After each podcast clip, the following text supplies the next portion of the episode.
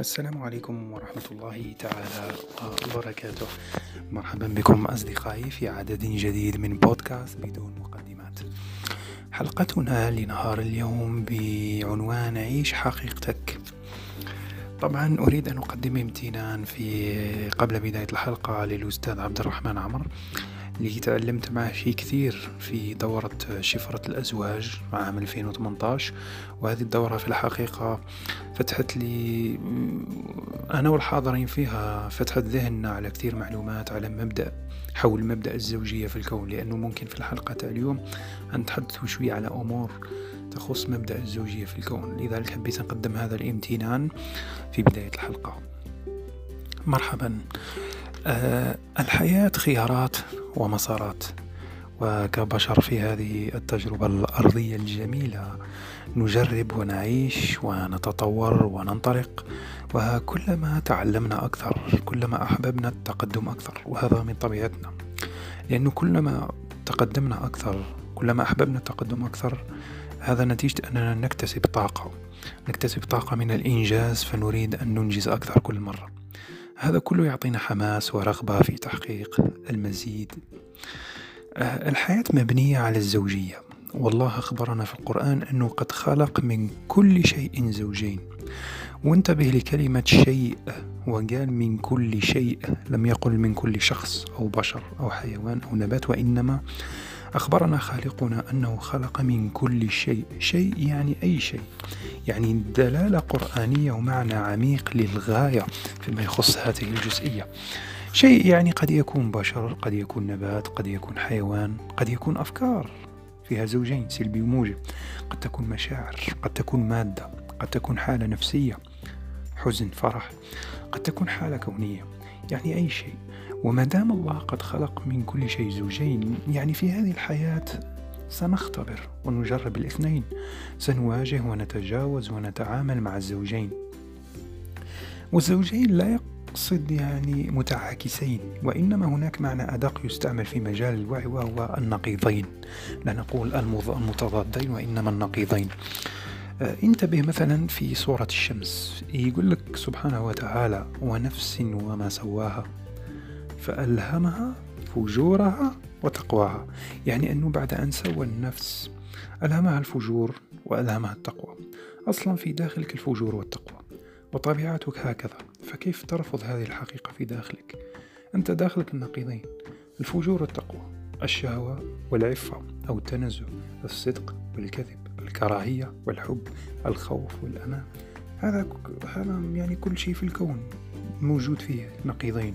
فيه ضيق فيه اتساع فيه عسر فيه يسر فيه موت فيه حياة فيه تأخر فيه نمو.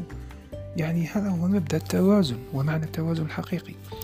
لذلك صديقي هناك شيئين هنا يجب أن نتحدث عنهما. أولا بالنسبة لك يجب أن تقبل أن بداخلك الظلام والنور وهذه طبيعتك هذا ليس عيب.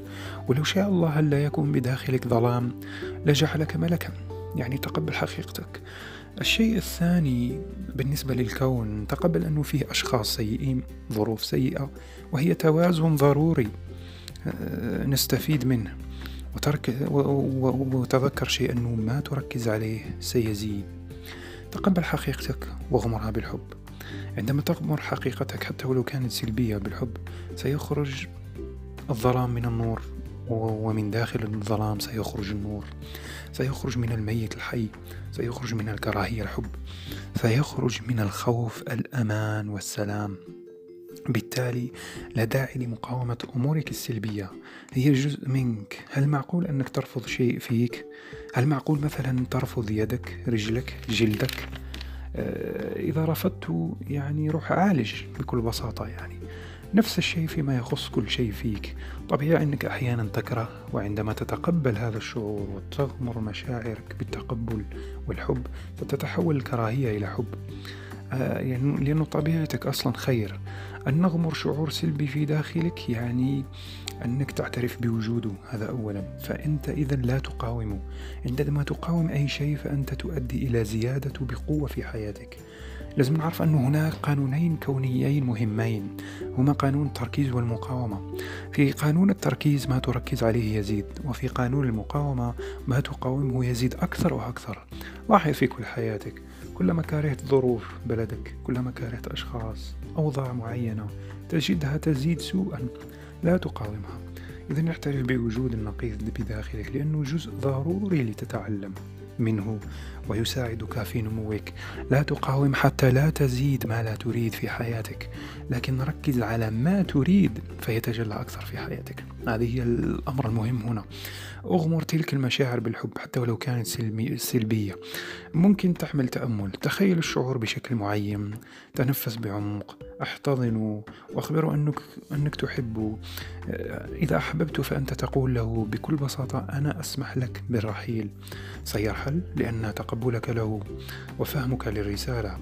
سواء شعور بداخلك أو حدث بخارجك فمعناها أنه دور دوره خلص يعني عندك. وسيرحل أضف إلى ذلك أن وجود النقيضين بداخلنا أو في الخارج يعني متعلق بسعينا. ولنا كامل الحرية في تفعيله. خلينا نرجع لصورة الشمس مرة أخرى. إحنا قلنا في بداية الآية ونفس وما سواها فألهمها فجورها وتقواها لكن لاحظ جيدا ماذا قال سبحانه وتعالى بعدها. قد أفلح من زكاها وقد خاب من دساها. يعني فيك الفجور والتقوى فأنت تختار ما تفعل في حياتك. إما تزكي إما تدس. يعني أنت تختار ما تفعل في حياتك لأن لك دوما الخيار. لو لم يكن لك الخيار لماذا إذا سنحاسب؟ يجب أن نفهم أن الحياة تحتمل النزول والصعود. فكما في النزول متعة فالصعود متعة. الأمر يتوقف على نظرتك للأمور فقط. هناك من يرى من مروره بأزمة نفسية أو مادية أنها انتكاسة وهناك من يرى منها درسا أو دافعا ليكون أفضل. وربنا يعني خلقنا وجعل كل أمورنا خير سواء أصابك سوء أو خير فهو في صالحك وهو خير ويدعم رحلة تطورك الروحية. يعني كما يقول الدكتور صلاح الراشد آه، الإنسان في تعامله مع الماضي ثلاث أنواع هنالك المتحسر يتحسر على الماضي المتألم يتألم منه وهناك المتعلم يعتبره تجربة جميلة لذلك كل ما تمر به حتى لو كان سلبي يعتبره تجربة وإذا كان إيجابي فهو إضافة جميلة. وانتبه لشيء. ركزت في هذا التسجيل على نفسك بزاف وتحدثت عليها كثير لأنه الخارج في الحقيقة هو انعكاس لما في داخلنا. هناك مقولة أجدها يعني يحبها لعلي بن أبي طالب اللي يقول لك أنك تحسب نفسك الجرم الصغير وفيك انطوى العالم الأكبر. وهذا أبلغ ترجمة لعبارة في الوعي أن الكون بداخلنا. الخارج هو تجلي لنوايانا. بالتالي تقبل حقيقتك وواقعك لأنه الطريق إلى الاحتمال الأفضل والدكتور أحمد عمارة نذكر مرة أنه تحدث عن الاحتمال الأفضل وقال أنه عندما تعترف بأن الاحتمال الحالي هو أفضل احتمال لك حاليا وفق سعيك الحالي فستستطيع بعدها الانتقال إلى الاحتمال الأعلى. مررت بحزن طبيعي. نفس ابكي أحزن ثم انهض يا حبيبي. وواصل حياتك لأن الحياة تستمر. مررت بخوف طبيعي. الخوف أصلا هو الغرض منه حماية أحيانا لكن بعدها انهض وعيش حياتك لأنه الأصل هو الأمان. مررت بفترة أذنبت فيها. عادي أنت أصلا ستعيش النقيضين تخطئ وتصيب. استغفر ربك أحسن الظن. اغفر لنفسك. تقبل هي تجربة. تجعلك تتجنب الخطأ لاحقا. وما تنساش شيء. الله غفور رحيم. الله يغفر الذنوب جميعا. يعني قم عيش حياتك. وتقبل أنك كذلك آه، أروع مخلوق في هذا الكون. وردد دائما. وهذا الشيء تعلمته فعلا من دكتور صلاح الراشد. ديما أقول It's okay. عالمي يعتني بي وبمن أحب. الله يعتني بي وبمن أحب. سلام. نلتقي الحلقة القادمة.